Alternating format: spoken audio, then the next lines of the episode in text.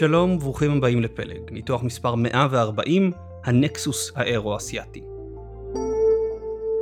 איראן, רוסיה וטורקיה אינן ידידות זו של זו. הן גם אינן אויבות זו של זו. הן מתחרות זו של זו. בניתוח מספר 104 מתחילת 2022 הסברתי שמדינות הן לא אנשים גדולים. הן יכולות גם להתחרות וגם לשתף פעולה זו עם זו, תלוי בזירת הפעולה. יש מדינות שהן ידידות זו של זו, חלוקות ערכים וחזון משותף, כלומר צרפת וגרמניה או ישראל וארצות הברית. ויש מדינות שהן אויבות מרות זו של זו, מחפשות בכל עת ובכל זירה כיצד לפגוע אחת בשנייה, נאמר ישראל ואיראן. אך מדינות רבות הן לא זה ולא זה, הן גם משתפות פעולה וגם מתחרות זו בזו, תלוי בזירה. הדוגמה שהבאתי אז בניתוח 104 הייתה של רוסיה וטורקיה, איך הן מצד אחד בעלות קשרים כלכליים ענפים, ומצד שני יריבות בזירות כמו סוריה ולוב. המלחמה באוקראינה היא דוגמה אחרת ליריבות הטורקית-רוסית וגם לידידות הטורקית-רוסית.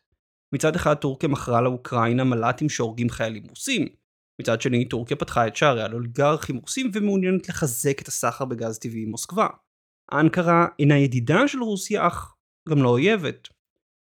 דבר דומה אנחנו רואים גם עם איראן באוקראינה.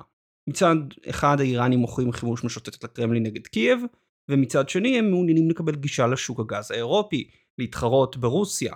בסוף אוקטובר איראן פרסמה את כוונתה להגדיל את ייצוא הגז הטבעי לטורקיה עם כוונה ברורה, גם אם לא מוצהרת, שבעתיד הגז ימשיך לאירופה. אם איראן תתחבר לשוק האנרגיה האירופי, זו תהיה מכה קשה נוספת להשפעה הדועכת של רוסיה ביבשת, השפעה שכבר דיברנו עליה בניתוח על מלחמת האתמול. בניתוח היום אני רוצה לבחון את מה שאני קורא לו הנקסוס, הקשר בין טורקיה, רוסיה ואיראן, שאנחנו נקרא לו פה הנקסוס האירו-אסיאתי. אירו-אסיה, בניתוח הזה המשמעות שלה תהיה אזור גיאוגרפי שגובל בין משהו במובהק אירופה ובין משהו במובהק אסיה. זו חגורה שנמתחת מבלארוס במערב עד ערי אורל במזרח ומסיביר בצפון עד החוף של איראן במפרץ הפרסי בדרום. לאזור הזה יש שלוש מעצמות גדולות. טורקיה, רוסיה ואיראן. ננסה להבין בניתוח היום איך המרחב הגיאוגרפי עיצב ומעצב את היחסים בין שלוש המעצמות, איך כל אחת ממערכות היחסים משפיעה על האחרת, ומדוע כדאי לישראל להיזהר מלרדד אותו, או לידידות, או ליריבות. הכל בניתוח היום. בואו נתחיל.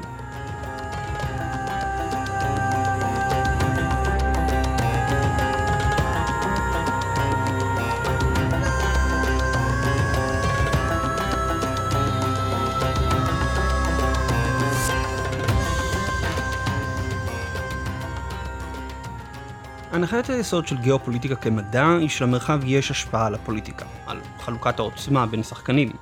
יכול להיות שהשחקנים האלו הם מדינות, יכול להיות שהם קבוצות בתוך מדינות. לדוגמה, קבוצה אנושית שחיה על חוף ים עם מישור פורה לידה תהיה עשירה יותר מקבוצה הנאלצת לשרוד במדבר. מדינה עם שדות נפט נוחים להפקה תהיה עשירה יותר ממדינה שיש לה רק יערות טרופים בלתי ניתנים ליישוב. המרחב משפיע על חלוקת העוצמה בין השחקנים. משום ההשפעה של המרחב על חלוקת העוצמה, הוא יוצר אילוצים והזדמנויות על השחקנים השונים, אילוצים והזדמנויות שקיימים לא משנה מיהו השחקן הספציפי, מה הערכים שלו, מה האופי שלו, מה מבנה המשטר שלו. יפן הקיסרית ויפן המודרנית, שתיהן צריכות לייבא מזון, חומרי גלם ודלקים בשביל האוכלוסייה והתעשייה שלהן. יפן הקיסרית עשתה זאת באמצעות כיבוש, יפן המודרנית עשתה זאת באמצעות מסחר, אבל שתיהן התמודדו עם אותו אילוץ. וכמו עם שחקן בודד, גם אוסף שחקנים יכול לחזור על אותם דפוסי התנהגות ופעולה, על אף שינויים משמעותיים בכלכלה, בטכנולוגיה ואפילו בזהותם של השחקנים. במאה ה-17, צרפת המלוכנית הייתה מוטרדת מההתפשטות של שושלת הבסבורג האוסטרית במרכז אירופה ובספרד. במאה ה-19, צרפת של נפוליאון השלישי הייתה מוטרדת מההתפשטות של שושלת המלוכה הפרוסית במרכז אירופה וספרד. בתחילת המאה ה-20 צרפת מצאה עצמה שוב מוטרדת מפעילות גרמנית במלחמת האזרחים הספרדית ומההתחמשות הגרמנית על גבולה המזרחי. בכל שלושת המקרים אגב, או שצרפת יזמה מלחמה לשפר את מצבה האסטרטגי, או שגרמניה פעלה נגד צרפת. הנקסוס האירו-אסיאתי של טהרן, אנקרה ומוסקבה אינו שונה במובן הזה מכל אוסף מדינות אחר שמושפע מהגיאוגרפיה שלו. אולם ללא הבנה של הגיאוגרפיה קשה להבין בדיוק את טיב היחסים בין שלוש המדינות. אז בואו ונפרק את המשולש לשלוש מערכות יחסים ואז נחבר אותו מחדש בשביל להבין את המכלול. היחסים הדומיננטיים, אלו ששולטים בשתי מערכות היחסים האחרות, הן של רוסיה וטורקיה. הרוסים והטורקים חולקים שני אזורים גיאוגרפיים חשובים, אגן הים השחור והקפקז.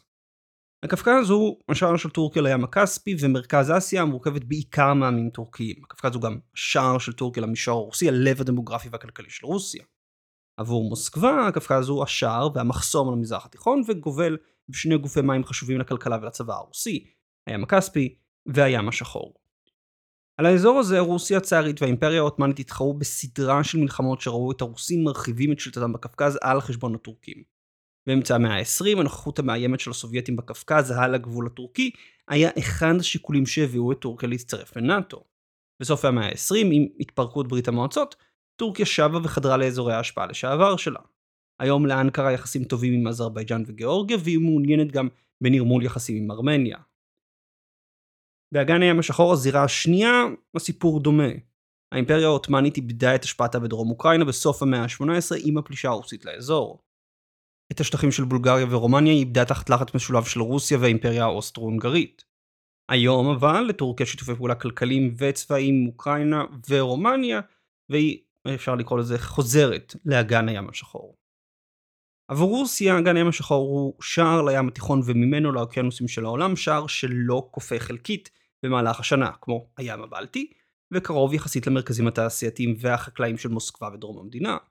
הים השחור הוא גם נקודת תורפה אפשרית, כוח ימי שיצליח להשיג ראש גשר בו, במיוחד בדרום אוקראינה, יוכל להשתלט על הקפקז ולהתקדם למוסקבה מדרום. אל שני האזורים האלו, הקווקז והים השחור, ניתן להוסיף אזור שלישי שמהווה זירת תחרות בין שתי המעצמות. מרכז אסיה.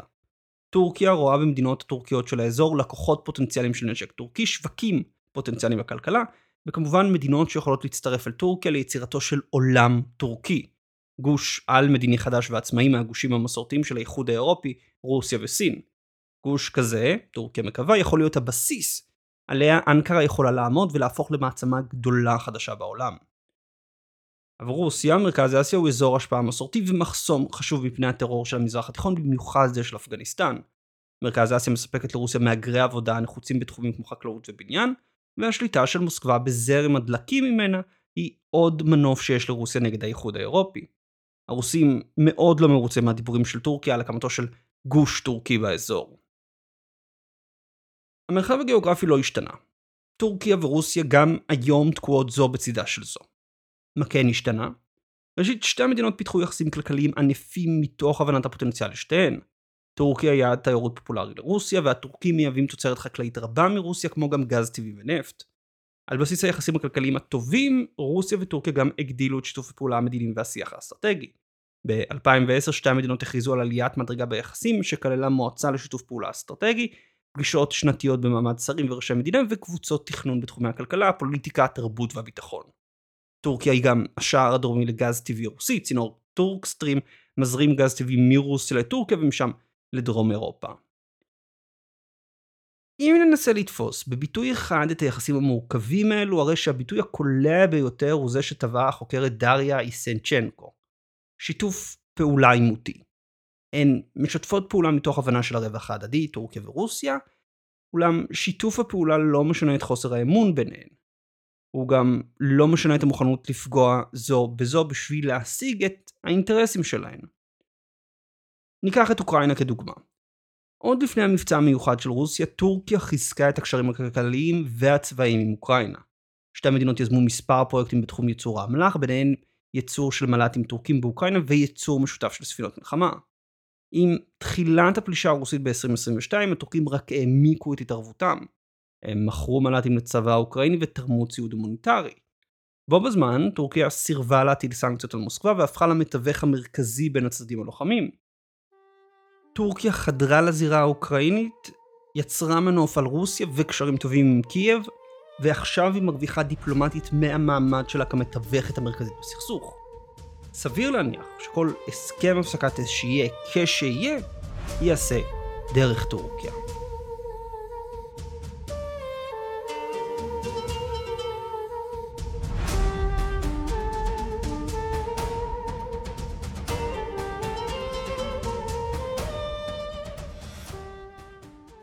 ומטורקיה ורוסיה לטורקיה ואיראן. היחסים בין איראן וטורקיה לא שונים מהותית מאשר היחסים בין טורקיה ורוסיה. גם כאן יש בעיקר אינטרסים וחשדנות היסטורית. האימפריה העות'מאנית והאימפריה הפרסית ניהלו מספר מלחמות השליטה בקווקז ובעיראק. היום המצב לא שונה בהרבה. טורקיה ואיראן מתחרות במספר הזירות, בקווקז, בעיראק ובסוריה. בעיראק, טורקיה תומכת באוטונומיה הכורדית בצפון המדינה ומעוניינת לראות קואליציה שיעית סונית שתייצב את השכנה של טורקיה מדרום. אנקרה מודאגת מרשת ההשפעה השיעית שאיראן פרסה בעיראק, רשת שנמתחת עד הים התיכון, ובעיני חלק מהטורקים היא אפילו מזכירה אימפריה פרסית חדשה. בסוריה, טורקיה תומכת במורדים נגד אסד, בעוד איראן עזרה לשמור על שלטונו. לאורך שנות המלחמה בסוריה היו מספר התנגשויות בין כוחות איראנים וטורקים, כך לדוגמה ב-2020, טורקיה הרגה תשעה לוחמי חיזבאללה בהפצצה מהאוויר בזמן הפצצות בצפון סוריה. בקווקז זה סיפור מעט יותר מורכב. וקטור ההשפעה המרכזי של טורקיה באזור היא אזרבייג'אן, אך אזרבייג'אן היא לא בובה טורקית. בזמן שיש בין המדינות שיתוף פעולה אסטרטגי, אזרבייג'אן שומרת על יחסים טובים גם עם איראן ורוסיה. הדבר הופך את היחסים בין איראן וטורקיה ליותר מורכבים. מצד אחד, טהרן מודאגת מחדרה הטורקית לקווקז דרך החיזוק של אזרבייג'אן. מצד שני, היא מבינה שהדרך לרסן את ההשפעה הטורקית היא דווקא על ידי שיתוף פעולה עם אזרבייג'אן. זה אולי יישמע מוזר לאור הידיעה שאיראן ערכה בסוף אוקטובר, סוף אוקטובר השנה 2022, תרגילים צבאיים בגבול עם אזרבייג'אן, אולם בו בזמן שאיראן עושה שרירים מול האזרים, עושה תרגילים צבאיים על הגבול, היא גם עובדת איתם על מספר פרויקטים בתחום התחבורה והאנרגיה. בין השאר הקמת מסדרון תחבורה שיחבר את אזרבייג'אן לטורקיה דרך איראן, ומסדרון שיחבר את איראן לרוסיה דרך אזרבייג'אן. כלומר, יש כאן גם, נקרא לזה, אמ, הפעלת שרירים, או הקרנת כוח, ומצד שני שיתוף פעולה אמיתי בתחום העניין של שתי המדינות. אגב, שיתוף פעולה שגם מגביר את הקשר בין טורקיה ובין איראן. ומה שנכון ליחסים עם האזרים נכון גם ליחסים עם הטורקים.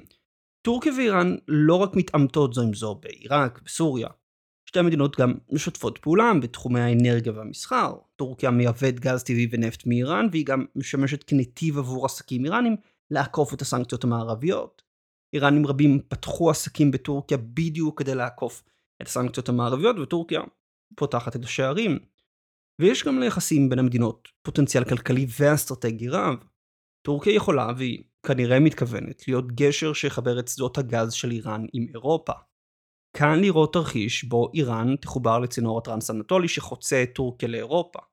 טהרן תרוויח שוק חדש וטורקיה תרוויח עמלות מעבר והשפעה חדשה על איראן. אז דיברנו על טורקיה ורוסיה, דיברנו על טורקיה ואיראן, הקשר השלישי והאחרון שנשאר לנו בנקסוס הוא זה של איראן ורוסיה. גם כאן יש לנו אינטרסים וחשדנות היסטורית. האימפריה הצארית ופרס ניהלו מספר מלחמות על שליטה בחלקים מהקווקז לאורך המאה ה-18 וה-19. אם נתקרב יותר להיסטוריה המודרנית, בשנות ה-40 של המאה ה-20 ברית המועצות ובריטניה פלשו יחד לפרס וכבשו אותה כדי להבטיח שלא תעבור לצד מדינות הציר וכדי להבטיח את אספקת הנפט ממנה. הסובייטים היו כל כך מודאגים מככה שפרס תיפול לידי מדינות הציר, שהם נסוגו ממנה רק ב-1946 תחת איומים מצד המערב. בשנות ה-80 איראן החזירה טובה וסייעה למוג'הדין באפגניסטן נגד ברית המועצות. לאחר התפרקות ברית המועצות היחסים השתפרו, אך חשדנות הדדית המשיכה. אחד מהפלוסים הגדולים או ההיילייטים הגדולים שאיראן עשתה בעיני רוסיה היא שהיא נמנעה בלתמוך במורדים הצ'צ'נים בצפון הקווקז בשנות ה-90 ועד היום היא מתמקדת בעיקר במזרח התיכון כזירת הפעילות המרכזית שלה. זאת בניגוד לטורקיה ורוסיה שמתחרות על אותם אזורי השפעה. בשנות ה-90 ותחילת שנות ה-2000 גם נכתבו מספר הסכמים בתחום הכלכלה, האנרגיה הגרעינית, גז טבעי ונפט בין איראן ורוסיה. כך לדוגמה ב-1995 נחתם הסכם להשלמת הכור בבושהר על ידי חברה רוסית. יחד עם זאת, היחסים ממשיכים להיות מוגבלים על ידי חשדנות הדדית ואינטרסים סותרים. איראן היא מעצמה מוסלמית המתמחה ברדיקליזציה וחימוש של מיעוטים שיעים במדינות אחרות. עבור הקרמלין, איראן, וכמוהו גם טורקיה, מהוות איום פוטנציאלי. מה יקרה אם ינסו לבצע רדיקליזציה למיעוט המוסלמי הגדל ברוסיה? ב-2030 כ-14% מאוכלוסיית רוסיה צפויים להיות מוסלמים, מרוכזים בקווקז ובחוף הצפוני של הים הכספי, מאוד קרובים גם לטורקיה וגם לאיראן. איום אחר מצד איראן על רוסיה הוא האיום הבליסטי. הטילים המתקדמים של טהרן היום מגיעים כמעט עד למוסקבה. ולבסוף קיים האיום הגרעיני, של פצצה שיעית בגבול הדרומי של רוסיה. פצצה שיעית לא רק תגרום לככה שהסכר ייפתח על חלילה מזרח תיכון גרעיני, מה שאומר שגם טורקיה עלולה לקבל להשיג או לרצות להשיג נשק גרעיני, אלא גם שקיים איום אמיתי שהטילים הבליסטיים של איראן, שכבר מכסים את רוב הלב הרוסי, יהפכו להיות חמושים גרעינית. זו הסיבה אגב שרוסיה תמכה בסנקציות נגד איראן, לדוגמה בהחלטת מועצת הביטחון של האו"ם ב-2010, ותמכה לאורך השנים בהגעה להסכם שימנע מאיראן פצצה גרעינית, מתוך ההבנה של האיום הפוטנציאלי של טהרן על מוסקבה. ובסוף יש לנו גם את הנקודה הכלכלית. איראן ורוסיה שתיהן מתחרות בשוק הגז הטבעי העולמי. כפי שראינו בניתוח מספר 131, לאיראן עתודות הגז הטבעי השניות בגודלן בעולם, שניות רק לעתודות של רוסיה. איראן יכולה להתחרות במוסקבה על שווקים באירופה ובמזרח אסיה. הסיבה המרכזית שהיא לא עשתה זאת עד היום, הן הסנקציות הכלכליות עליה.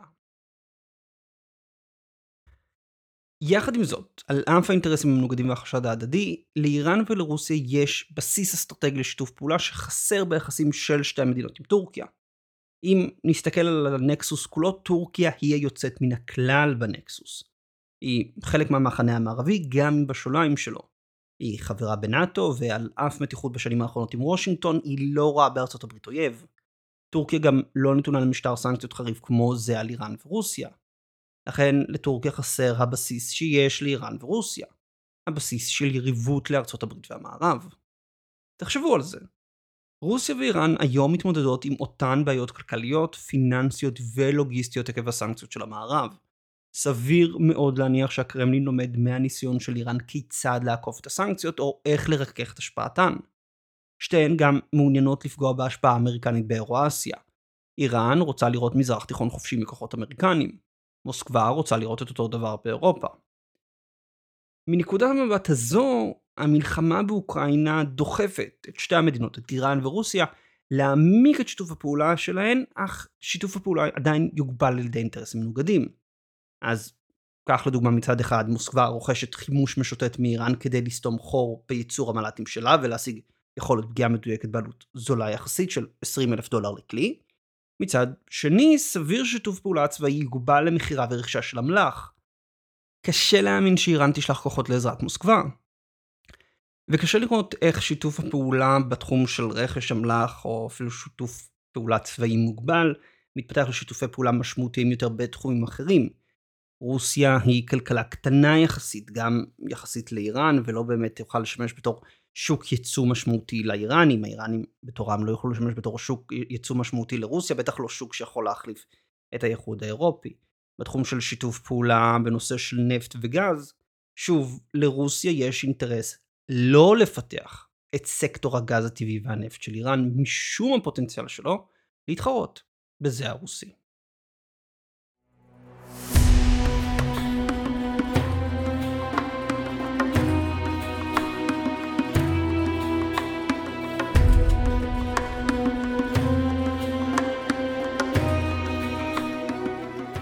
אז דיברנו על טורקיה ורוסיה, דיברנו על טורקיה ואיראן, דיברנו על איראן ורוסיה. בואו ננסה כעת לחבר את שלושת היחסים האלו ולהבין את הנקסוס בכלל ומה ישראל צריכה להסיק ממנו. הנקסוס האירו-אסיאתי מורכב משלושה מוקדים שמתחרים ומשתפים פעולה זה עם זה. אין ביניהם בסיס אידיאולוגי או תרבותי משותף ואין בין המוקדים האלו אפילו חזון חיובי לסדר העולמי. כלומר, רוסיה ואיראן יודעות שהן מתנגדות לסדר האמריקני, הן כנראה לא מסכימות איך הסדר שלהן. איראן תשמח לתחום הגמוניה גם במזרח התיכון וגם במרכז אסיה ואולי גם בקווקז. רוסיה לעומת זאת כנראה תשמח להגביל אה, את איראן לתחום הגבולות שלה, בזמן שרוסיה מקבלת יותר השפעה במזרח התיכון. אותו דבר נכון גם לטורקיה. טורקיה נעה הרחק מהמחנה המערבי מתוך התפיסה שלה כמעצמה עולה של אותו עולם טורקי, של אותו גוש טורקי עצמאי, והחזון שלה של העולם הטורקי של הגוש הטורקי העצמאי נוגד את החזון של רוסיה לאזורי ההשפעה שלה באגן הים השחור בקווקז ובמרכז אסיה. אז יש לנו שלושה מוקדים שעובדים אחד עם השני אבל אין ביניהם איזשהו בסיס ערכי אידיאולוגי אה, אפילו של חזון אסטרטגי חיובי שיכול ליצור שיתוף פעולה ביניהם. לכן הנקסוס תמיד נע גם בכיוון של שיתוף פעולה וגם בכיוון של יריבות, כתלות בזירה ובנקודת הזמן. טורקיה מוכרת אמצעי לחימה לאויבים של רוסיה רק כדי לשבת יחד עם רוסיה בשולחן המשא ומתן.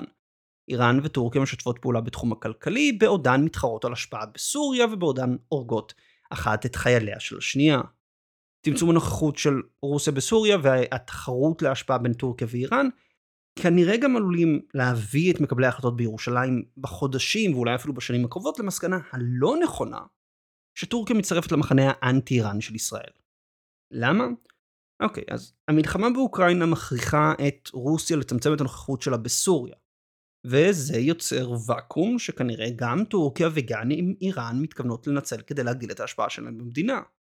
אנקרה, אנחנו גם יודעים, רואה בחשש את רשת ההשפעה השיעית של טהרן, והיא כנראה תהיה מעוניינת לפגוע בה בעיראק ובסוריה.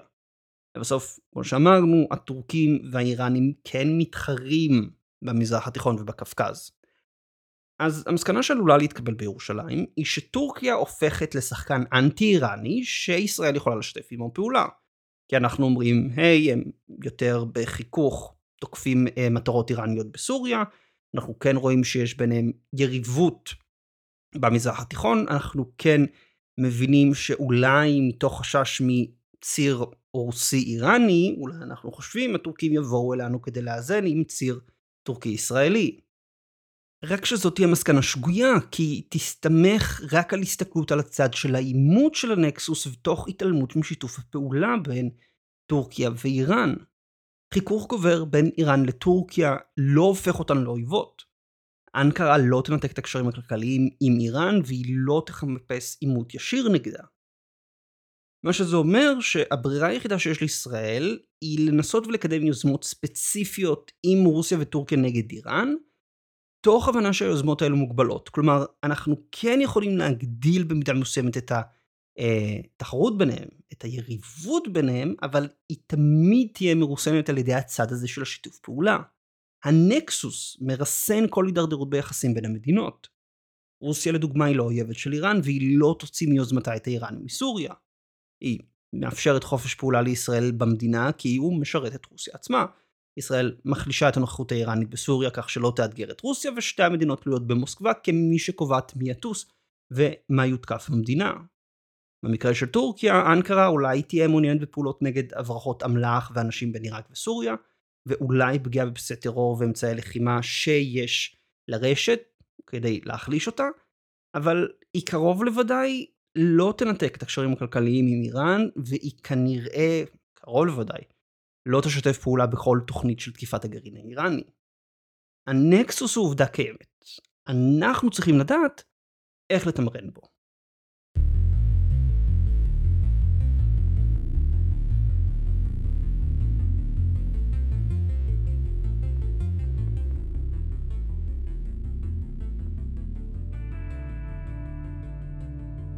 כבר 300 שנים שהגיאוגרפיה מעצבת את היחסים בין טורקיה, איראן ורוסיה, אם בשלום ואם במלחמה. מצד אחד היא מביאה אותן להתחרות ולהתעמת בזירות השוואה חופפות, בקווקז, במזרח אירופה, במרכז אסיה. מצד שני, היא מביאה אותן לשתף פעולה, אם בגז ונפט, אם במסחר, אם בצבא. ישראל צריכה להיזהר ולהתמקד רק בצד אחד של היחסים. רוסיה וטורקיה אינן אויבות של איראן. הן גם לא ידידות שלה. ישראל יכולה להשיג שיתוף פעולה מוגבל עימן נגד טהרן, אך היא חייבת לזכור שהוא תמיד יהיה בדיוק זה, מוגבל. הנקסוס הוא עובדה קיימת. אנחנו צריכים לדעת איך לתמרן בו ואיך לתמרן אותו. תודה לכם על ההקשבה.